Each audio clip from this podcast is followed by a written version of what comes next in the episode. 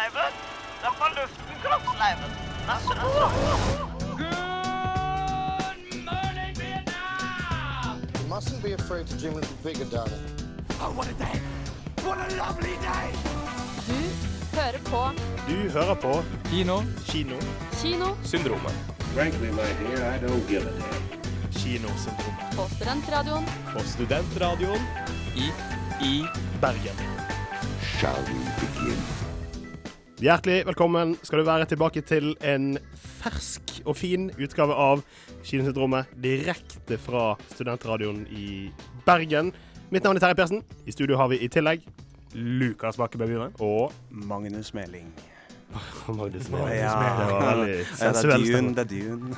Ja, det er allerede teaset eh, hva det er mye sandormer. Ja, mye av dagens sending skal handle om Dune. Men eh, gutta boys, vi starta jo stort sett eh, med å snakke litt om eh, filmer eller serier vi har sett siden sist. Eller i noen tilfeller hvor man ikke har sett noe, så kan vi plutselig begynne å snakke om dataspill eller whatever. Det er ikke lov. Han, har, jo, han, har gjort det, men det er ikke lov. Nei. La oss ha det tydelig og klart. Det er ikke lov, det skal ikke gjøres igjen. Ikke engang Dune-videospill. Det er kanskje. Nei, ikke det heller, faktisk. Ok, ok, ikke det, ikke det. Men uh, boys, da starter vi, tar vi en runde. Jeg kan spørre deg eh, først, eh, Magnus. Hva har du sett siden sist? Uh, jeg er jo egentlig ikke så glad i TV-serier Eller altså, jeg er glad i TV-serier, men jeg liker jo best å se filmer, sånn at jeg kan logge de på Letterboxd. Uh, så Det viktigste av alt. det er ganske viktig. Eh, nei, så jeg har sett um, første sesong av Lars von Triers eh, Rige. Eh, hvis noen av dere har hørt om eh, Rige, om Rikshospitalet i København. Der, Nei, Lars eh, von Trier laga en TV-serie som heter Ja, handler om fra, den er fra 1994, og så er det en sesong Oi. to som kom i 1997. Og hans neste prosjekt er jo faktisk å lage en tredje sesong av Rige. Og basically det det handler om, er bare Det er en slags Twin Peaks for Danmark. Oi. det, det, den er, ja, det er skikkelig bra. Ja, det, jeg har kost meg skikkelig med den. Det er bare fire episoder, så, og det er masse weird shit som skjer inni det, i Ok, så det, det lukter eh, Lars von Trier-prosjektet? av ja, ja, det er, Er det liksom like det eksplisitt og voldelig og liksom Ja. fucked up yep, som det det, man det- forventer? Jepp. Det er liksom eh, Og den er liksom filma så utrolig uh, Hva kan man si skittent som han, han pleide å filme på, wow. på 90-tallet. Sånn- Følger den liksom dogmereglene? Uh, nei, for jeg tror ikke dogmereglene hadde kommet helt Nei, det var da. senere, kanskje. eh, men du får dogme-viben av det noen ganger. ja, okay, sure. uh, det er liksom nesten som parodi på uh, legetrilleren, liksom. Ja. Ja, men det, så- det må, jeg har ja. aldri hørt om det, men nå ble jeg veldig interessert Ja. ut. For jeg syns Nei. Trier er jævlig interessant. Mm. Ja, ja, men det er en skikkelig, skikkelig bra serie, så jeg vil bare anbefale egentlig alle, alle å se den hvis du, hvis du, tåler, hvis, hvis du tåler litt skrekk, og hvis du tåler, tåler litt eh, eh, dansk rasisme og, og noen, ja, det er noen svenske jævler og litt sånn. Det er rasisme. Nei, ja, det, det er en sånn veldig sur svenske Sur lege Det svenske lege som alltid eh, er sånn 'danske jævler'. ok, ok. Ja, men det, Spesielt når siste sesongen er det neste han skal gjøre, så da, det skal jeg faktisk sjekke ut. Ja, det må jeg burde. Det, ja, jeg synes det høres litt sånn intrigende ut. Det er jo Lars von alltid spennende. Det var altså Rige. Er det Rige. mulig, er det lett å liksom finne der ute på Eh, nettet? Nei, jeg fikk bare låne deg en kompis, så okay. jeg er faktisk ikke helt sikker på hvor du, du, du finner det. Nei, men hvis du tenker veldig hardt, så finner du noe ut av Ja. det. OK, Lukas. Hva har du sett? Um, på søndag så dro jeg og Mikkel og Ayla, uh, tre av de medlemmer av Kinosyndromet, vi dro og så en film på kino som går på kino akkurat nå, som heter så mye som 'Malignant'. Og Det er den nyeste skrekkfilmen fra James Wan, Ja, ja, ja. regissøren av 'Aquaman' og den første Saw-filmen, 'Insidious' uh, noen en, av dem. en og to. 1 og 2, og. Conjuring-filmene. Så han er jo en, eh, han er en profilert uh, skrekkregissør som eh, nå er tilbake i sjangeren etter å ha tatt en liten pause med, med Aquaman. Og eh, denne filmen er, eh, den er helt sinnssyk. Den er Ikke ta det som at den er helt sinnssykt bra, det er bare en helt sprø film. Um, den er ikke spesielt skummel, men den er fortsatt veldig laget for skrekkfilmfans. på en måte. Den er laget for, for folk som liker liksom, historien til skrekkfilmer, og som liker mange typer skrekkfilmer. Folk som liker, liksom, kan digge John Carpenter og liksom, klassiske sånn, ja. skrekkfilmer. Da, da kan det hende det er for meg. Spennende. Ja, ja, og den er, og den er, kjem, den er hysterisk morsom. Sånn, okay. sånn Spesielt siste tredelen, hvor den liksom legger alle kortene på bordet og viser hva filmen egentlig er. Da, da klarte jeg ikke å slutte å smile. Liksom hvor silly det er. ja, liksom. hva, hva det er vi faktisk har sett de siste timene, hva det kulminerer i. Så, så sitter jeg der bare med et stort smil på ansiktet. Der, sånn, det her er noe av det sprøeste jeg har sett. Og det er det. Den, er, den går på kino nå. Hvis du liker skrekk på en litt sånn du, De trenger ikke nødvendigvis være veldig skumle, men de er, de er underholdende. Er funny, Så liksom. er, det, så er det veldig verdt å prøve å få med seg den på kino, for det var en sprø opplevelse. Selv om fyren jeg satt ved siden av, ikke Mikkel, men en annen fyr som jeg satt ved siden av i salen, var Mistenker han var høy som et hus. Han, han lå bare Han lå sidelengs i stolen sin og sovna og dro, var på mobilen og var, ga helt faen. Men uansett så kunne ikke det ødelegge min opplevelse av Men Malignant, som er veldig langt fra perfekt, men utrolig gøy å få med seg på kino. Så den anbefaler jeg. Mikkel gøy. hata den, det kan jeg også si. Det, Mikkel hata Malignant, mens jeg syns den var ganske Ja, den har jo ikke akkurat fått eh, lov av oss til å bli ukas premiere, da. Så Nei. Det, men det er jo det er på grunn av noen andre filmer som kanskje burde snakkes litt mer om. Ja, hva- i hvert fall én. Ja. Hva med deg, Terje? er Hva har du sett siden jeg, sist? jeg har vært på kino og sett en skrekkfilm, faktisk. Så, det? så eh, det er jo litt eh, kinotips til mange forskjellige former for smak og interesser her. Men, men jeg eh, tok altså med meg mamma på kino og så den norske skrekkfilmen 'De uskyldige'. Yes! Som eh, du, Magnus, eh, snakket om her på, på radio Ja. for en stund siden. Men for å si det sånn, den er regissert av Eskil Fugt, og det er et hint, fordi Fugt, det var det jeg eh, var mellom skinkene når jeg gikk ut av den kinosalen. For det var ganske skummel, altså. Det var en var det? treningsøkt. Du ble Eskil fukt opp, liksom? Ja. ja. jeg ble fukt opp. Ja. Å, jeg trodde du mente at du ble fuktig. Det var det jeg egentlig Å ja, det var det. ja, ok, Så det er en fin uh, trippelbetydning der. Men, men eh, jeg var veldig veldig fornøyd med den filmen. Jeg syns det var en utrolig god skrekkfilm. Og for en som meg som, som eh, har jobbet eh, på barneskole det siste halve året, så fikk han kanskje en ekstra oh, yeah. dimensjon oh, yeah, oh, yeah. I det å kunne få se på noen helt syke kids gjøre helt drøye ting. Og i tillegg, som jeg sier, for meg personlig, så er det noe spesielt med å se filmer og serier med, med barn som er utrolig slemme og liksom tvers igjennom onde, som gjør at det går litt sånn ekstra nedover ryggen på meg når jeg ser det. Samme Mm. var det litt som med den Babadooka som, som jeg så som en fantastisk god film. Og, eh, og De uskyldige de kan anbefales, men eh, du må ha litt eh, guts, altså. For eh, Ja, Hva syns moren din om den? hun vet hva hun likte den veldig godt. Ja, hun gjorde det? Ja, da, jeg, Hun, hun har veldig kul eh, filmstil. Altså. Jeg og hun ser masse gøye filmer sammen. Ja, ja, Hun, hun, hun synes er den var bra. Ja. Og eh, jeg vet ikke om vi skal ringe til, eh, til eh, professor Xavier eller liksom Bent Høie, men det er mutant, mutantutbrudd i Norge.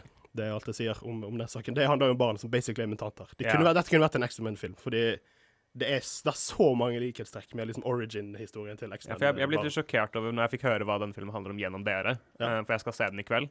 Um, fordi posteren får du til jeg, jeg får ingenting ut av posteren. Jeg vet ikke hva jeg ser på engang. Det er bare sånn, å ja, det er jeg, vet- jeg, Romsås. ja, jeg, sånn, jeg vet ikke hva det er jeg liksom skal ta ut av posteren. Så jeg lurer på om posteren er litt laber, eller, om, eller er den bra? Når dere har sett filmen, så er det sånn, ja, det er en bra poster. Jeg har ikke sett posteren, så Jeg, jeg, ok. digger posteren, jeg. Jeg Ja. syns den er dritkul. Jeg. Ja, ok. Altså, den, har jo, den går jo Den tar jo noen klisjeer, selvfølgelig. Det er litt sånn når den, den ene personen som er veldig mektig, eh, kjenner at den blir veldig sint, så ser du på en måte gress og grusen under beina som Åh, rister på seg. Og det er veldig så sånn, det er veldig typisk eh, sånn, eh, for å vise at en person har masse kraft inni Ja, men du, seg. da. når du kjenner det, liksom, Ja, ja. du bare merker liksom Du får liksom smakebit på hva som kommer til å skje, eller hva som Ja. altså, mens det skjer det, skjer det ikke, liksom. Nei, absolutt. Og det, det vil jeg gi en eh, creds for denne filmen, uh, De uskyldige, fordi at den var veldig lite uforutsigbar. Jeg mener veldig uforutsigbar. Veldig lite.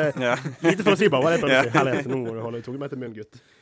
Og det er en ting man ikke nødvendigvis ser så ofte i I hvert fall ikke norske filmer. Nei, det er sant. Tenker tilbake på De dødes kjern som jeg så for et år siden, som var Jeg kunne se for meg hva som skjedde. Ja, scene etter scene. Mens Ja, den her, er ikke bra. nei, mens her vet du ikke hva som kommer til å skje, og det er en god følelse. Deilig å ha Ja. god norsk film på kino. Så det var eh, De uskyldige. Det var eh, mitt eh, kinotips. Ditt eh, kinotips, Lukas. Malignant. Malignant. Mm. Så der har du ting du kan se. Og hvis eh, du ikke føler for noen av disse, så kan jo du vente litt til, fordi snart så skal vi jo snakke om ukens premiere, som er Dune. Du, Dune. Dune. Dune. Dune. Og eh, det kan være du som hører på, ikke vet hva det er for noe, men eh, Nå skal vi gjøre vårt beste å forklare det så enkelt som mulig. ja, det skal vi absolutt. Og i tillegg til det, Lukas, så kommer Så skal vi snakke litt eh, kinonytt. De nyeste filmene til eh, Christopher Nolan og Paul Thomas Anderson er i søkelyset vårt, så det blir eh, spennende. Følg Ja. med. Her er altså autørspesial. Altså. Det er, det er, film, det er dude bro, film bro og i dag. Ja, det er det. Og, og som sagt, Dune kommer uh, hvert øyeblikk. Snart skal vi få høre en uh, Nå, først skal vi få høre en låt. Her kommer På sporet. Og av en eller annen grunn så får jeg ikke vite hvem som har laget uh, låten. Så Mysterieartist.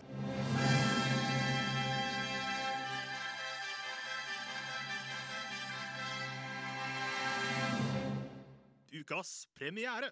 My planet Arrakis is so beautiful when the sun is low. Rolling over the sands, you can see spice in the air. The outsiders ravage our lands in front of our eyes.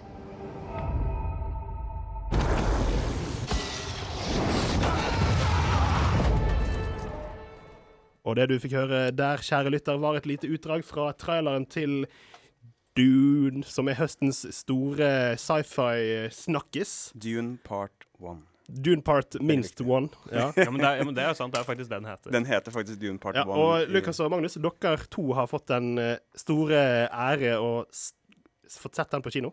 Før alle andre. ja. Mens jeg må eh, gjøre som resten av oss dødelige og vente til den kommer. Nå har den faktisk kommet ut, så jeg skal løpe ned på kino, kino så fort som mulig for å sette den sjøl. Men dere boys, dere må få lov til å snakke om, om Dune. ja, det er jo med ærefrykt vi går inn i og snakker om denne filmen her. Fordi det er en ganske komplisert eh, handling hvis du liksom ikke kjenner til uni universet fra før. Eh, det er jo basert på boken av eh, Frank Herbert eh, som kom ut eh, i 1965. eh, og omhandler da denne unge eh, sønnen av en duke. eh, Eller en hertug, hertug Lito Atreides. Og eh, det er en eh, det er, Hva kan man si? Det er en, det er en space opera Mm. der ehm, vi har disse husene som er våre hovedpersoner, Atreides. Uh, og vi følger Paul, da, som uh, Spilt av Timothy Chalamet. Ja, riktig. Og mm, han eh, De skal ta over denne, denne planeten. De, det, har- skjedd et slags eh, regjeringsskifte på denne, Mm. på denne planeten Arrakis, der de drar ut eh, det som er spice, eller krydder. Så Arrakis er jo da denne planeten som, som Zendaya snakket om i starten av traileren der, som er da Dune. Det er, det er en sandplanet hvor det så å si bare er sand, og på toppen av den sanden så ligger det et, et krydder som heter, altså det heter spice, som er en slags pulver som har psykedelisk effekt, men som hovedsakelig brukes som drivstoff av imperiet.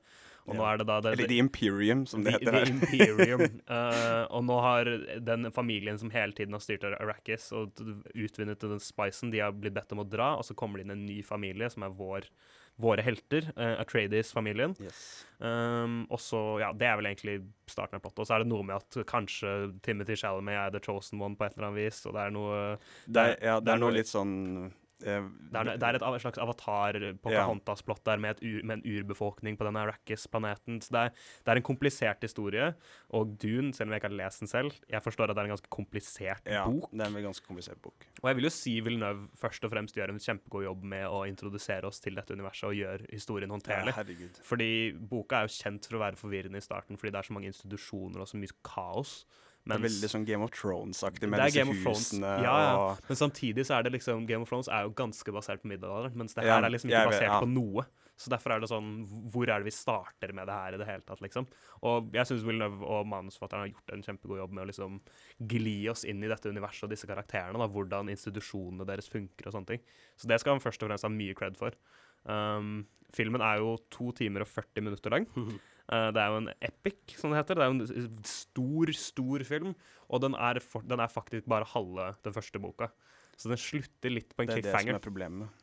Det er kanskje det største problemet i filmen, at den første boka er for stor. Det er for mange ting å introdusere, for mye worldbuilding å gjøre. Så filmen, selv om den er to timer og 40 minutter lang, slutter, og den slutter på en stor cliffhanger, og ting føles ikke løst, ting føles ikke ferdig. Så vi skal snakke om det senere, men det må komme en til for at denne historien skal føles Ja, komplett, for at denne historien skal fungere som helhet. Eh, De, de fikk vel egentlig tilbudet Eller eh, jeg tror egentlig Villeneuve hadde lyst til å lage eh, en toparter. Eh, sånn filme de back to back, Mm, sånn, sånn som, de, sånn som de gjorde i gamle dager med 'Ringenes herre'. Mm. Og det er jo um, altså det er jo kjente bøker. Dune er en kjent, kjent bok av ganske sånn nisjesmå altså, Ja. Altså, eh, det, har- det har vært en tidligere film som ikke har hatt så veldig god suksess. Eh, og vi har hatt noen TV-serier, og Hodorowsky prøvde å lage en, eh, en film. Det er liksom notorisk Og, vanskelig å få til Dune så, på kino. så Dune har jo ikke hatt en sånn filmhistorisk suksess. Mm. Eh, men eh, vi, vi vet jo ikke med eh, Dune av Villeneuve, da. Men eh, det er jo det som har vært den store det store spørsmålet. Vi kan jo snakke om hva vi, hva vi, hva vi syns om filmen som helhet. Så Ja, først og ja. fremst så vil jeg si at Villeneuve er en regissør liksom, Han tenker stort, og denne filmen er stor på absolutt alle måter. Vi snakker, Vi snakker romskip som liksom dekker hele hav. Vi snakker eksplosjoner som er større enn lerretet klarer å fange. Vi snakker liksom gigantiske sanddyner og gigantiske marker som bor i disse Og de sandormene. Ja, de sandormene Åh. er så Åh, svære. de er så kule. Så, er- så universet føles så episk og så stort som overhodet mulig, og det er min favorittdel av liksom, Ja. filmen. At det her er, Og musikken til Hans Zimmer er med på å liksom, bygge opp på den grandiose, liksom, episke skalaen som Villeneuve sikter på. Og jeg syns på skala-aspektet så treffer han stort. Altså. altså, selv Jason Momoa og Josh Brolin, som er liksom svære karer, ser ut som maur når det kommer til liksom, disse setpiecene de befinner seg i. Da. Og jeg syns det funker skikkelig bra på det, på akkurat det elementet der. Så synes jeg den, Det er da den skinner på sitt meste, når det er liksom episke sekvenser. Eh, har du noen, eh, noen innsigelser mot, eh, mot filmen? Altså, vi likte jo eh, Ja. altså, Jeg likte den veldig, veldig godt. Ja. Eh, og jeg skal jo se den igjen i kveld, så jeg er jo egentlig veldig, veldig hype på å se den her flere ganger. Ja. Eh, Jeg kommer til å se den igjen, jeg òg. Um, jeg, jeg, jeg likte den godt, jeg synes, men jeg har mine innsigelser. Jeg syns, um, jeg syns det blir kanskje viet litt mye energi til liksom, disse episke tingene som jeg sier, til, til worldbuilding og sånne ting. Så den liksom, menneskelige kjernen i historien kanskje faller litt Mm. eh, sammenlignet med det. Uh, det er i hvert fall min hovedinnsigelse. Jeg føler ikke at jeg blir så kjent med disse karakterene som jeg kanskje burde ha blitt i Det- den første film av Ja, en det- saga. Det var det min første tanke når jeg på en måte så traileren her. Når jeg så litt anmeldelser begynne å rulle ut i, over dammen osv. Den hadde jo eh, verdenspremiere i Cannes for et par Venezia. Venezia, sorry, for Mm. noe, bare noen uker siden. Og eh, sammenligningene til Blade Runner 2049 føler jeg ligger der på ganske mange Mm. plan, i at Blade Runner 2049 òg er på mange måter en litt sånn uh, nisjefilm. Det, Ja, er- det at den Ja. er veldig lang, den er veldig treig, ganske sånn mørk og grå på mange måter. Lite Mm. humor. Lite eh, medmenneskelighet. Det var jo, Blade hadde en del av det til en viss grad, men kanskje ikke så mye som mange andre sånne type, type filmer. Og det gjorde jo at den ikke gjorde det så fantastisk bra på, på kino. Ja, Vi skal jo snakke om hva, hvordan vi tror Dune kommer til å gjøre det på kino litt Ja. senere. Men, men sammenligning med Blade Runner 2049 Jeg og Magnus er jo for så vidt enige at 20, det er den- 2049 altså, det er den beste filmen hans. Det er den beste filmen til Villeneuve, og Dune har ikke toppet den.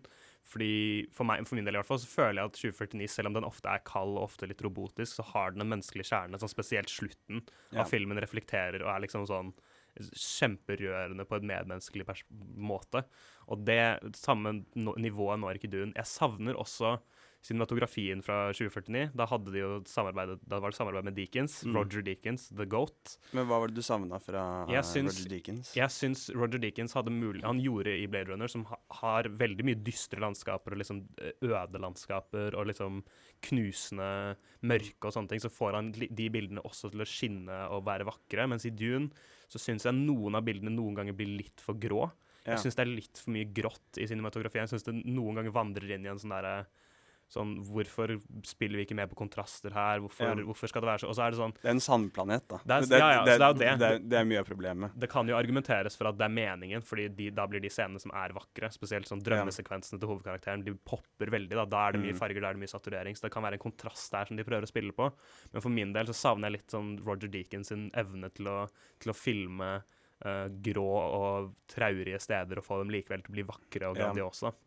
Um, Som sanden ute i Blade Runner 749, det, når han er ute i det, Ja. det sand, sandlandskapet. Ja, ikke sant. Altså, det, Sånne ting sammen, sånne, kanskje. ting, sånne ting kunne godt vært med i Dune for min del. Det blir ofte litt sånn litt for grått. Um, så det er også en ting jeg, må, jeg, jeg trekker litt for, men det kan hende jeg venner meg mer til det når jeg får sett den igjen i en bedre sal.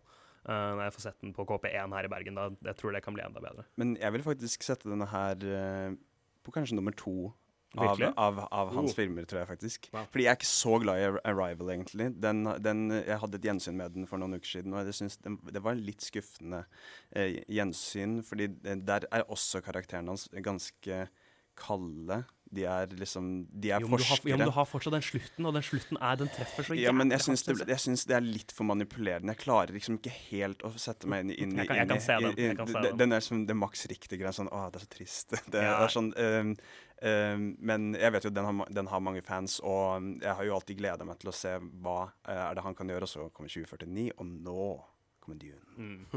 Jeg er nødt til å spørre, gutta, for dette her er jo en stjernespekket film. Mm. Det er helt ekstremt mange skuespillere som jeg tror veldig mange har hørt navn på. Det er liksom ikke vits å, ramse opp i det uendelige. Men Timothy Chalamet spiller hovedrollen.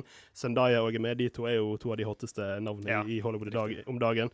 I tillegg er det jo Oscar Isaac og eh, Javier Bardem etc. etc. Jeg gidder ikke nevne mange navn. Det vil jeg spørre dere om. Hvem føler dere var liksom MVP blant Det tror jeg vi eh, det Er vi er, enige Er dere enige i det? Jeg tror kanskje det. For meg så er det Stellan Skarsgård. Ja, det fordi jeg er helt enig. enig. Det er, det er MVP av hele filmen.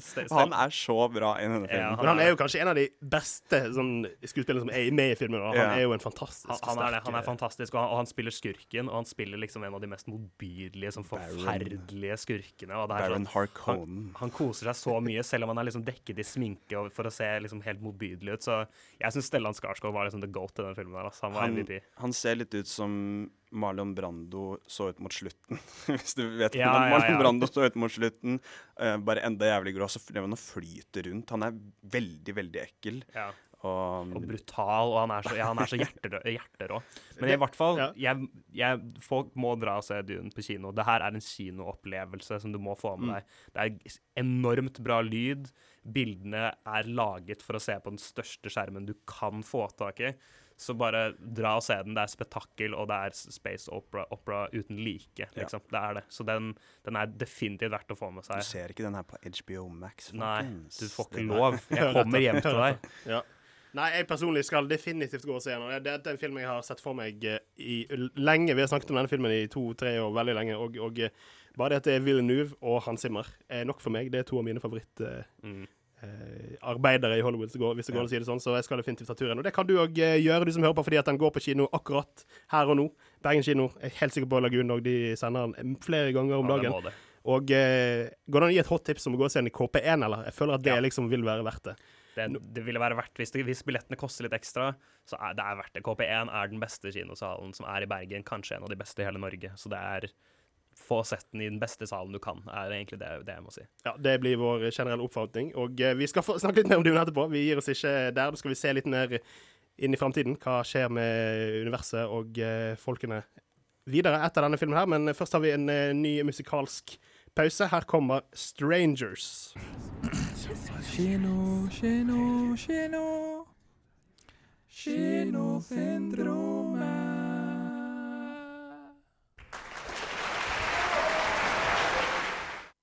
Du hører på Kinosyndromet på Studentradioen i Bergen. Denne uken med Magnus, Lukas og Terje. Vi har en eh, litt sånn halvveis dun spesial. I forrige segment så eh, tok dere en eh, aldri så liten anmeldelse. Sa dere hva, hva dere synes om filmen. Nå skal vi snakke litt mer sånn litt mer i bredere termer. Og første spørsmålet som jeg stiller dere, er hvordan tror dere publikum der ute i Bergen og i verden kommer til å respondere på Dune? I Bergen vet jeg ikke, men, men, Nei, jeg vet- men jeg vet ikke men. Altså, vi, vi må snakke til Bergen, de som bor i Bergen nå, men selvfølgelig, det handler jo om, om hvordan den Jeg kommer til håper alle i Bergen går og altså, Hver eneste Hver eneste bergenser går og ser denne her. Altså, det er Jeg syns det er umulig å, å calle. Kinobildet nå er, er uforutsigbart Ja. som bare faen. Så det er sånn hvordan, man, hvordan måler man suksess i denne verden her uansett, liksom? Med pandemien og alt mulig. I tillegg til at jeg vet ikke hvordan altså i, på en, Selv om pandemien ikke hadde vært et tilfelle, så vet jeg fortsatt ikke hvordan denne filmen hadde gjort det på kino. Jeg har ingen anelse. Jeg vet ikke om den kommer til å bombe, eller om Nei, jeg- kommer til om Eller det plutselig kommer til å være liksom en sleeper en hit. Jeg vet ikke. Om den kommer til, men du, du sa noe om, etter at vi var på pressevisningen, så, uh, drev du og spekulerte om uh, den her kommer til å gjøre det bedre etter hvert. Sånn om uh, sånn På word hvert. of mouth, liksom. Ja. Ja. Ja, ha- det hadde jo vært For jeg ser jo ikke for meg at det kommer til å bli en braksuksess med en gang. Eller det kommer til å være mange som ser den åpningshelg, fordi det er Det fins jo en del filmnerder der ute som er sånn Denne her er filmen fordi de vet hvem Villeneuve er. Men så får jeg håpe at selv etter det store pushet, så vil folk anbefale den til venner for å dra på kino og få med seg denne kinoopplevelsen som det er, da. Um, for jeg, jeg vet ikke. Altså, vi kan jo måle litt star power her, da. Hvem det er som er liksom de store trekkplasterne for Det folk. er mange. Det er, altså, det er jo mange. Mm. Den første, først og fremst vil jeg jo si Denis Villeneuve uh, er for folk som er filminteresserte, som kan navnet på litt regissører og sånne ting. De vet jo at det er en fyr som, som lager store filmer. De må jo ha fått med seg hypen rundt Dune, for den skulle jo egentlig komme ut i fjor. Og det har vært mye sånn utsettelser, og det har vært, uh, det har vært liksom mye, mye hype som har blitt bygget opp rundt den i det siste. Så bare Villeneuve og prosjektet i seg selv kan jo dra en del folk. Men for mer mainstream-folk så har du jo Timothy Chalamet og Zendaya, som vi snakka om, som er liksom to av de største i Hollywood akkurat nå. Altså, de er jo Ja. de største unge skuespillerne som arbeider, vil jeg si. Er de nok til å dra folk på kino? Jeg vet ikke. Jeg, vil jo si kanskje for um, for folk som har lyst på sånn god, gammeldags sci-fi hvis det, eh, Altså, jeg vet ikke eh, Nå er det veldig folk eh, glad i superheltfilmer som har hatt miksa sjangere, men her har vi en sci-fi epic, liksom. En av de gode, gamle sci-fi epicsene, liksom. Ja, da kan vi jo sammenligne med 749, da. Som for Eh, fire år ja. siden gjorde det forferdelig på kino. Ja. Som bombet totalt. Det var en selv om det var- R-rated film, da. Det er sant. Det er, det er et minus, fordi Ja, det kan vi også snakke litt om. Ja. Den, denne filmen her er jo Dune, altså, er jo, er jo rata i Er den 15 eller 12 her i Norge? I Norge så vet jeg ikke, men den er vel en, en PG Ja, i, i USA så er det jo, og det er det de måler etter når de lager disse filmene, Ja, så, er den sikt- i Norge. så er den siktet inn på PG13. Men den, den er overraskende voksen. Altså. Det er overraskende mye blod i Ja. denne filmen for å være PG13. Um, så det kan Altså, det, ja, vi burde jo visst det her, jeg kan jo gjøre litt research på det akkurat nå, uh, om det er 15 eller 12. Men det er jo sant at det kan være noe av grunnen til at 2049 gjorde det så dårlig på kino. Ja, ja, at det var en. R-rated film. Ja, jeg syns det er sagt at Blade Runner 2049 den, den tjente mindre enn Tenet. Og den kom jo oh, ja, ut eh, midt i Oi. pandemien. Ja, det gikk jo ikke Ja, så bra. det er jo ganske sykt. Ja, ja. Men det som eh, er veldig flott for eh, Blade Runner, er at den fikk vanvittig store legs i, i digital release etterpå. Den Ja, solgte ja. sykt bra digitalt, og, og folk gikk ut og kjøpte den og, og så den. Så den, den hadde liksom word of mouth som kom først etter at den var ferdig å gå på kino. Og selvfølgelig er jo det kjipt for studio, for de tjener ganske mye mindre på, på digital release enn på Ja. kino-release. Men den er jo, blir jo sett på som en veldig høyt elsket film av ganske mange. Eh, Mm. Og, det var, og den var jo markedsført veldig dårlig i sin tid. Ja, jeg vet ikke hvor mye bedre Dune har blitt markedsført. Jeg føler jeg ser mer av den rundt omkring, men, Ja, men jeg vet fortsatt ikke om den er liksom Jeg føler jeg ser flere trailere for Shang-Chi enn jeg ser for Dune på Ja, liksom YouTube og sånn. Mm. Problemet blir vel også litt med det med at- Warner Brothers har valgt å ta den strategien på alle filmene deres, at de skal også legge de ut på eh, HBO Max samtidig, som er jo har Det skal vi snakke mer om etterpå, forresten. Som, ja, som har vist seg å være en veldig mislykket strategi. Mm. Uh, I hvert fall en premium access for Disney Pluss har vært utrolig mislykket. Eh, og de fortsetter bare å gjøre det. De har liksom bare, Ja. de bare Jeg vet ikke hvorfor de har valgt å gjøre det med Dune. Jeg trodde de skulle gå tilbake på det, Altså, men så har de ikke gjort det. det kan, I historiebøkene så kan det være liksom det første tegnet på, på liksom siste spikeren i kista på Warner Brothers. Fordi det er, de skyter seg i foten gang på gang med det. Vi skal jo, som du sa i stad, snakke litt om Christopher Nolan sitt forhold til Warner Brothers. Ja. Men, eh, men ja, og Villeneuve er jo kjempemisfornøyd med at den, skal, at den skal være mulig å bare streame på HBO Max, fordi én, da, da får den mindre uh, oppmerksomhet på kino, og da er det mindre sannsynlig at han får laget oppfølgeren sin, og to, det er en film som skal oppleves på kino der, i hvert fall Ja. første gang. Altså, han, er, han er jo ikke imot at folk skal se filmen hjemme i sitt eget hjem etter hvert, men liksom, nå, er det, nå skal man oppleve den på kino. Nå som den er ute og ny, så er det kinoopplevelsen som gjelder, og det er den du må strekke deg til. Og det Jeg syns det er synd. Men oppfølger eh, Håper vi på en oppfølger, Magnus? Det, det, ja, det, det, det, Nå har jeg- et annet poeng. det jeg lurer litt på, er hvor, hvor elsket denne filmen egentlig kommer til å være av Kommer alle til liksom, som ser denne filmen her til å elske denne filmen her? Den tviler jeg på. Ja, det tviler jeg Fordi på, altså. det, er ikke, det, det er liksom ikke en sånn Star Wars The Force Awakens som er sånn Å, herregud, det var så gøy, liksom. Ja, nei, det er ikke en crowd pleaser Nei, på den eh, måten. Den, den er treig, den er seig, den er um, Den er lang. Og, jeg, Og den er ganske jeg, jeg lang kjenner og- folk som nesten aldri ser lange filmer, fordi Ja. de orker ikke. sant? Det er noe med oppmerksomheten. Og når vi har Netflix og HBO og har 10 000 titler tilgjengelig, og vi ser så mye TV-serier som er så mye kortere, Ja. så er det faktisk eh, st- st- eh, Må man liksom ta i litt for å kunne tørre å se de lange filmene. Og jeg tror ikke det hjelper heller. Og i tillegg til at det er et relativt ukjent eh, univers for de aller fleste. I hvert fall eh, de som er liksom under 30, kjenner ikke veldig mye til dette. her, Sånn at jeg tror ikke jeg kommer til å gjøre det veldig bra, altså. Dessverre. Nei, jeg er redd for det òg. Og det er hele spørsmålet Nei, ikke gru- si det. Og, gru, og, nei, grunnen, ikke si og grunnen til at vi er mye mer opptatt av det på denne filmen enn på alle andre, er fordi Warner Brothers har sagt til Villeneuve at hvis han skal få lage oppfølgeren sin, få fullført i hvert fall den første boka av Dune i denne filmatiseringen, så må denne filmen gjøre det bra på kino. Um, og det er jo skummelt med liksom, landskapet den blir sluppet i, og hva slags film det er. Og Og, og måten det slutter på. Er det Fordi jeg ser for meg at eh, Villeneuve ser for seg liksom en Ringenes herre-situasjon her, Ja. hvor når hele, alle filmene han har lyst til å lage i dette universet, er ute og ferdig, så er det meningen at man skal se dem back to back to back i en stor feit maraton, fordi worldbuildingen her er så sykt bra. Måten første filmen slutter på Jeg ser for meg at den andre filmen, hvis den kommer, please kom. At den, første, at den andre filmen da vil starte rett etter der den første sluttet. Jeg tror det er sånn to år etter, etter i boka, egentlig. Er det, at det er to år? Ja, det, er- det er to år, for det, eller det kan hende at eh, den har sånn rett etterpå, da, men eh, Mm. Men altså, jeg, bare prøv, jeg prøver liksom å tenke i andre scenarioer hvordan dette ville, sam, ville vært eh, For eksempel Harry Potter, da. Hvis eh, Deathly Hallows Part 1 ikke tjente så mye penger, så ble det slutten fordi at de, Warner Bros. nektet å gi ut eh, åtter eller sånt. Da hadde det vært helt forferdelig krise. Ja. Så det håper jeg vi slipper med Dune, altså. Ja, for det er, ja, eller hvis vi tar Ringenes herre-sammenligningen, da. Hvis de, hvis de liksom ba, slapp Hvis de bare Ja. fikk lage Fellowship først, og så sa de nei. Nei, det dette gikk ikke så bra, liksom. Men Fellowship gjorde det jo veldig bra, da. Det er bare, Men, men, men Lukas, synes, synes du den slutten på den filmen er Altså den, at den gir så lite at du bare Du kan ikke se, denne filmen og ikke ha en to, på en måte? jeg, Føler jeg, føl, jeg føler litt det. Jeg føler at hvis, hvis det Og den og vil, Altså, på IMDb og liksom på, på plakaten så heter den Dune. Yeah. Da vi så den, så lo vi begge to litt av at, av at tittelsekvensen i selve filmen er Dune part one. Så der har han fått lov til å sette inn at denne filmen om han har er lurt ikke den inn der. Oi, ja, oi, oi. han, han, han lurte den inn der ved siste øyeblikk og var sånn Klippen, ja. Denne filmen er ikke ferdig. Det skal komme mer. Det, altså, historien er ikke fullendt med den filmen, og det er jeg enig med han i, for den er ikke det. Den føles ikke som en Og fullstendig også, historie. og så har jo Villeneuve sagt det at dette eh, Oppfølgeren er ikke en oppfølger. Det er jo bare, det er jo bare ferdig filmen. på en Mm, måte. Det er bare, det er det bare- det er bare del e, to av filmen. Ja, det, liksom, det handler bare om å fullføre historien Ja. han har startet. Det handler jo bare om å få lov til å lage den andre halvdelen av historien han har begynt på. Mm. Så det er ikke Ja, så ah, Faen, ass. Jeg har så lyst til at den skal gjøre det bra nok at Villeneuve får lov til å Får lov til å fullføre i hvert fall den første boka, og kanskje også den andre. Altså, jeg vet ikke. jeg, jeg, jeg synes den slutter håpefullt nok, egentlig.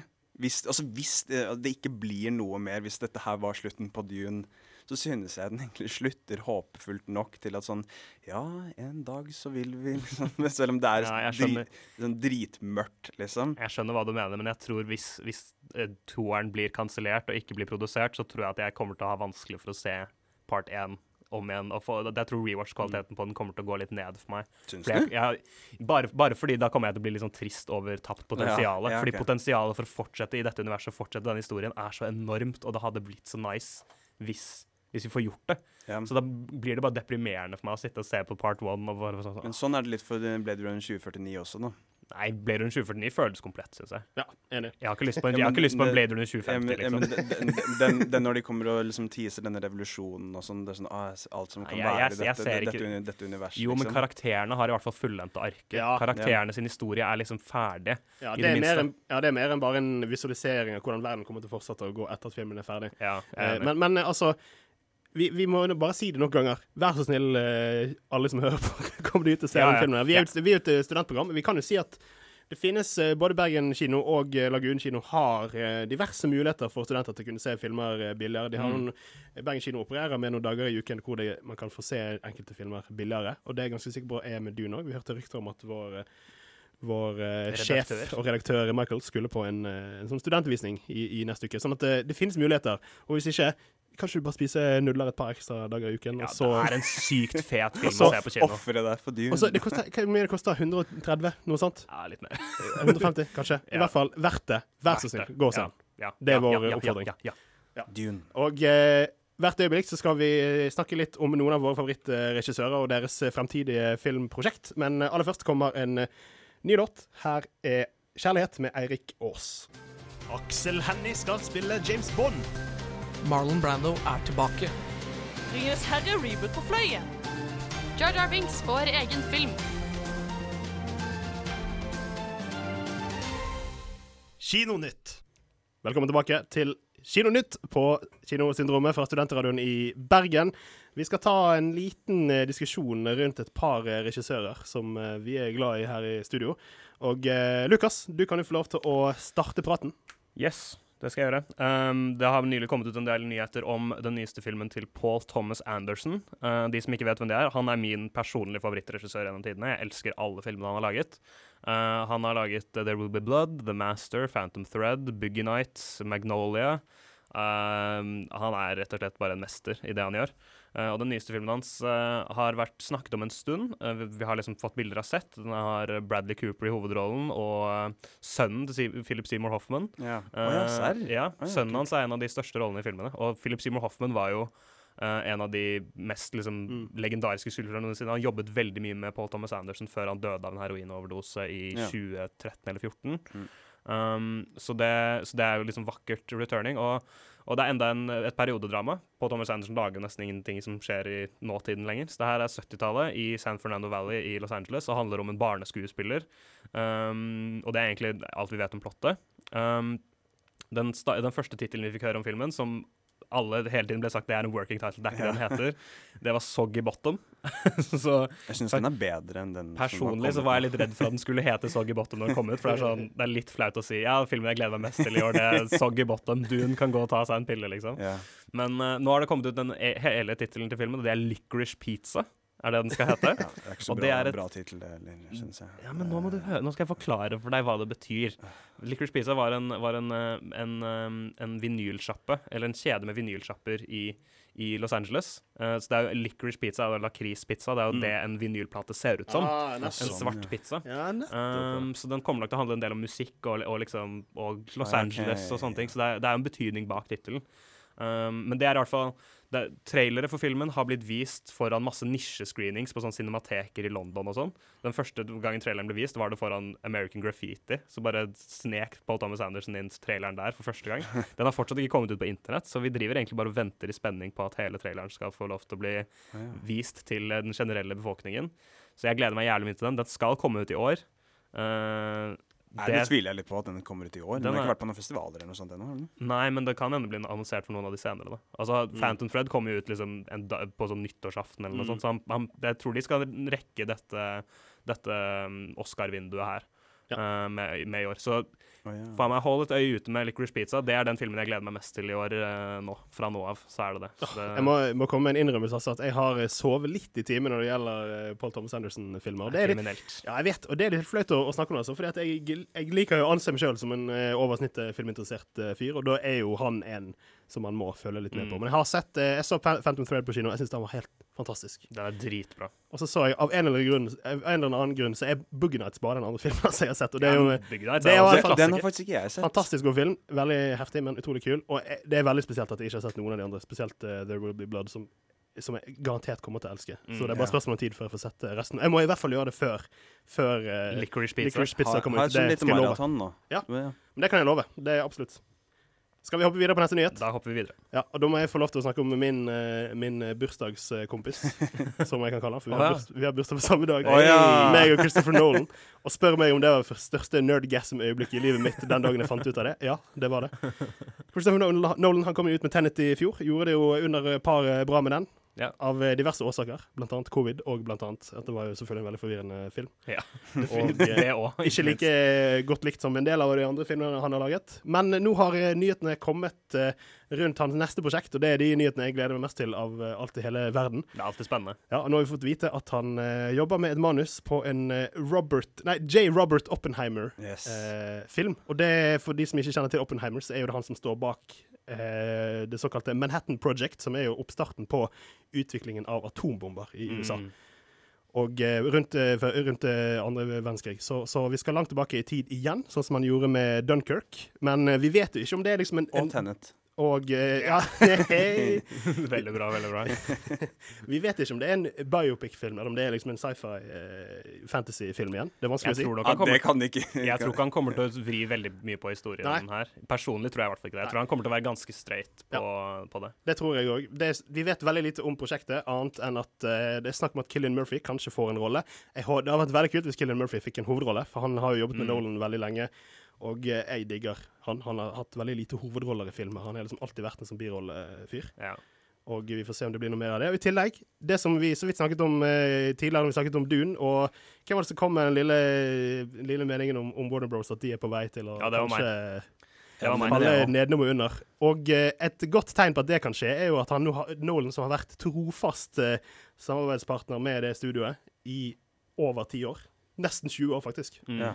Har nå valgt å gå til Universal med, med prosjektet sitt istedenfor. Og det er jo på, nettopp av dette HBO Max-greiene ja, som jeg snakket om. På pottesur for at eh, HBO gikk bak, eh, bak ryggen, i den forstand. Han hadde jo ikke noen prosjekter ute sånn sett akkurat, eh, akkurat eh, som gikk liksom rett på, på eh, HBO, sånn som en del av de andre disse filmene gjorde i DC-universet osv. Men han er altså pottesur for at HBO valgte å slippe masse filmer rett til HBO Ja, Max. fordi han elsker jo kinolerretet. Ja. Sånn som vi gjør, så er jo han en han, han kjemper jo så hardt for at kino er stedet man ser på, eh, ser på film. Mm. Eh, og det, skal, det har han masse respekt for, for. Han får masse respekt for meg for det, at han er så trofast i prinsippene sine at han nå Mm. ser etter et nytt studio og som skal produsere den nyeste filmen. Universal eh, er jo da altså veldig heldige, fordi de har altså fått uh, En, peng, en pengeku, rett og slett. Ja. Men, men hvis vi skal snakke litt om filmen i, i seg selv, så jeg syns det her er kjempespennende kildemateriale for Nolan å jobbe med. Jeg, jeg, ser, jeg bare prøver å se for meg hvordan liksom 70 mm Imax av atombomber som testes og lages og sprenges, må jo være det, altså Jeg tror det blir spektakulært sånn visu, visuelt sett, så tror jeg det kan bli helt sinnssykt. Ja, Det kom ut noen nyheter nå bare for under et døgn siden om at eh, de skal begynne å, å, med innspilling tidlig neste år. Ja. Og de snakker om at filmen skal komme ut i slutten av 2023. Og det Oi. er jo to år til. Og okay. hvis det er sant, så, så er det helt unikt for han. For han pleier alltid å ha veldig korte, korte innspillingsperioder. Under to måneder, gjerne bare rundt en måned. Og selvfølgelig, det er veldig lite effektarbeid som må til i ettertid, for de gjør jo alt sammen praktisk. Jeg Så tror, jeg, ofte jeg tror ikke han kommer til å sprenge en atombombe, faktisk. det får vi Ja, er sånn som med flyet i. Vent og se, vent og se. Men det er ganske spektakulært, hvis de venter så lenge. Og i tillegg, hvis de faktisk ønsker å gå for en, eh, en eh, vinterlansering istedenfor en sommerlansering, så kan det òg tyde på at det er noen som ønsker å prøve seg på en liten Oscar. Ja, Oscar-pris. det her- Fordi at filmer som slippes på slutten av året, har mye større sjanse for å vinne Oscar-priser framfor de som slippes midt Ja. på året. Og det her virker jo som Oscar-føde òg, da. Liksom stor historisk begivenhet osv. Og, så og jeg er kjempeglad for at Nolan går tilbake til andre verdenskrig. Jeg så Tenet igjen i går. Nei, ikke Tenet, Dunkirk igjen i går. Ja, ja, ja. Og det er en av de aller beste filmene hans. Kanskje den beste filmen hans, i min mening. Jeg syns den er helt utrolig. Så jeg, jeg, jeg gleder meg masse til det. Jeg er litt, litt, uh, litt bekymret for at det skal bli litt sånn uh, The Imitation Game av Morten Tylden. Nei, fuck det. Fordi- Det kommer ikke, det kommer fordi- ikke til å skje. Uh, nei, jeg håper jo ikke at det, det er der det går. Nei. Jeg håper at det kanskje er mer sånn Dr. Strangelove-aktig. Ja, og jeg ser for meg Nolan er jo veldig glad i å, å gå litt inn i det psykologiske i, og, og, i, i, i mennesker. Og jeg ser for meg at det kommer til å være mye fokus på livet hans etter, oh, etter ja. atombombene, Ja. og, og hvordan dette ødelegger han på innsiden. For Oppenheimer har jo det kjente sitatet hvor han siterer uh, Bhagavad Gita og sier I am become death, the destroyer of worlds, og snakker om at så tenk hvordan det øyeblikket Ja, blir på ikke sant? For han, han snakker jo om hvordan at da han så atombomben bli testet, så ble han så fylt av liksom sjokk og redsel over hva det er han har vært med å skape, og hvordan dette kommer til å forandre menneskeheten for alltid. Så det, jeg tror det, det, det er et kjempebra filmmateriale. Det er veldig rart at ingen har laget en film på det før. Mm. Nolan gjør det. Jeg tror det kan bli skikkelig bra. ass. Ja. Og det, vi kommer definitivt Jeg kommer i hvert fall, om ingen andre dere gjør det, så kommer i hvert fall jeg til å holde oss oppdatert på nyheter rundt eh, denne filmen her. Så det er bare å følge med videre. Men eh, nå tar vi en liten eh, musikalsk pause før det kommer en quiz av deg, Lukas. Korrekt. En quiz med straff, eh, til og med. Det blir eh, veldig spennende. Følg med på det. Først Heddadalen med Done. This is what happens when an unstoppable force meets an immovable object. You truly are Kinosyndromet. På Studentradioen i Bergen. Det er riktig. Du hører på Kinosyndromet fra Studentradioen i Bergen. Vi nærmer oss eh, slutten, men eh, før vi sier takk og farvel for i dag, så skal jeg og Magnus ut i en aldri så liten duell eh, laget av, laget av deg, Lukas. Hva er det du skal holde for oss i dag? Uh, dette er en sitatlek. Det har vi jo gjort før. Den er ganske straight up. Jeg har ikke oversatt noe, eller noe sånt, men temaet er at det er uh, På noen av filmene så er det den første linjen som blir sagt i filmen. På noen av filmene er den siste, og på noen av filmene har jeg begge deler. Så skal vi se litt uh, hva som skjer her. Ja, hvis og dere Har, har du oversatt de? Jeg har ikke oversatt de. Det er okay. noe jeg har gjort før, men jeg har ikke gjort det denne gangen. Og greien er at Du leser ut en, et sitat fra en film. Ja. Når vi tror vi vet det, så roper vi navnet vårt. Mm. Og den som roper det først, får lov til å gjette. Korrekt. Ja. Hvor det mange, sånn kan, hvor mange ganger kan vi gjette? Eh, en gang per sitat, tenker jeg. Men, men hvis, ingen, hvis, hvis, den andre, hvis det er bare ett sitat, eller jeg har gitt alle, så kan dere gjette noe flere ganger før jeg sier sånn OK, dere får det okay. til. Da går vi videre til neste. Oh, faen meg, jeg er nervøs allerede. Men det er greit. Kjør på. OK. Første her er People are always asking me how I know Og så sensurerte jeg det, fordi navnet er en, en liten spoiler. People are always asking me how I know blank. Så det her er da enten den Det var alt. Magnus, Det her er den første linjen i filmen. Ja. Er det første linjen i filmen? Det her er den første replikken som blir sagt i denne filmen.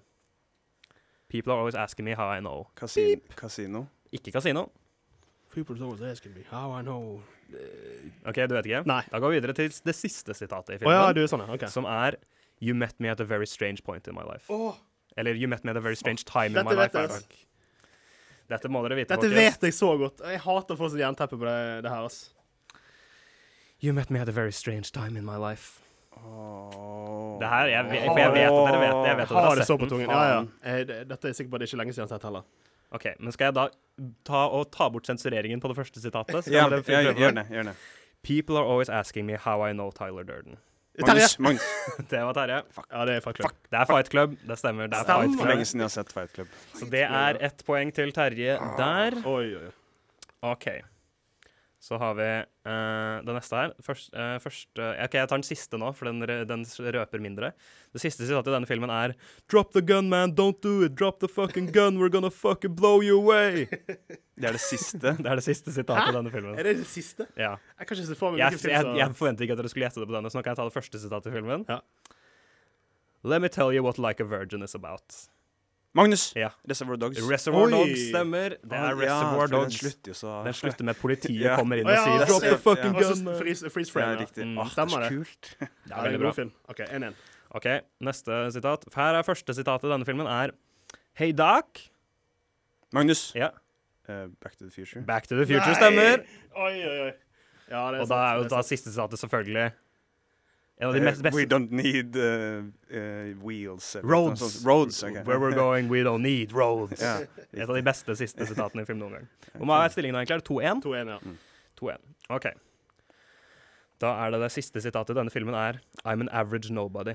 I get to live the rest of my life like a snook. Oi. Å, Magnus. Nei, kan du det? Like a snook. Ja. Um, det, jo, jo, fordi eh, det er, det er um, Goodfellas. Goodfellas oh, stemmer. Yeah. Oh, Og da er jo det følge- selvfølgelig det første sitatet Like i den filmen. Det første sitatet i den filmen er selvfølgelig Ah, um, all I, uh, As nei. far back as, I far can back remember. As can remember. Jeg har sett den en gang, og det er mye always lenge siden, altså. gangster. Ja.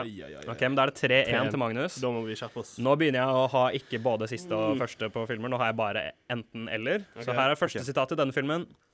We were somewhere in Barstow, on the edge of the desert, when the drugs began to take hold. Magnus. Ja, Uh, Fear and Loathing in Las Vegas. det stemmer. Det var Fear and Loading Loathing in. Las Vegas. Nei, det det hørtes ut som den. Jeg har heller ikke sett den, men jeg, jeg vet at det er, det er Jeg liker det sitatet veldig godt. Yeah. Oh, God. Hvor mange har du igjen? Jeg har eh, mange, okay. så vi kan holde på så lenge vi vil. Um, OK, her er enda en. Det her er den første sitatet i denne filmen.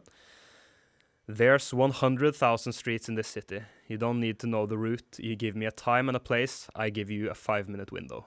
Magnus. Ja. Drive. The Drive stemmer. Yes. Magnus knuser deg nå, Terje. Ja, vi- Jeg må påpeke Ja, vi må faktisk gi oss eh, der, altså. Jeg har ikke sjanse til å komme tilbake. Okay, men kan jeg ta én en til? Okay, ta en. en, en siste. Er den verdt ti poeng, eller? Er det? Eh, den er verdt 100 000 poeng. Nei, det er den ikke. Eh, Nei, nei! det, her er det, siste, det her er det første sitatet i denne filmen. Ja. Wait a minute, wait a minute. You ain't heard nothing yet. Oh. Dette er så kjent. Og dette er ikke bare den første. Jeg kan si et lite hint. Magnus, det er uh, The Jazz uh, Singer. Ja, og kan du fortelle hvorfor dette Oi. sitatet er fordi, litt spesielt? Det er, fordi det er det første man hørte på film. Ja. Uh, det er første lydfilmen. Det her er den første replikken i en film med, med dialog, med Ikke en film snakkedialog. som vi anbefaler å se utenom uten om du skal studere film, så ser du ikke The Jazz Singer. Men jeg, det er jo et veldig bra sitat. da. Når vi er inne på tematikken første linjer i filmen, så er jo You ain't heard nothing yet som Ja. et sitat Ja. som det første som blir sagt i en film, er jo utrolig poetisk og vakkert. Men Ja, gratulerer, nice. Magnus. Ja, gratulerer. Jeg startet veldig bra, og så bare gikk det rett i dass. Så jeg tar den. Jeg skal få en straff. Streffen din er å se en film på kino, og den straffen er ingen ringere enn å se Bergen i all beskjedenhet. Som er en film som har gått på kino i Bergen uh, siden julaften i fjor. Uh, og den går så- fortsatt. Det er så unødvendig. Det er liksom bare, bare det å bruke de pengene og komme meg inn til byen og se den filmen, av alle ting. Men det er greit. Du kan sitte og menge deg med alle pensjonistene. Ja, den, eh, hver dag. sitte med, sitte Den helt ene alene. gamle mannen som Ja. sitter bak der. Men det er greit. Må man, så må man. Jeg skal gå og se den på kino. Det er helt i orden. Men eh, vi må takke for oss. og vi vil eh, takke for at du har hørt på gjennom hele sendingen. Det setter vi veldig stor pris på. Vi kommer tilbake neste uke med mer kinostoff. Mitt navn har vært Terje Persen. Magnus Meling. Lukas Bakkebø. Mitt, Bjune. mitt navn har vært alle de tre navnene. Helt riktig. Korrekt. Følg oss på Facebook og Instagram, så eh, kan du høre videre på eh, Studentradioen dagen lang. Sier vi ha det godt. Ha det bra. That will conclude this evening's entertainment.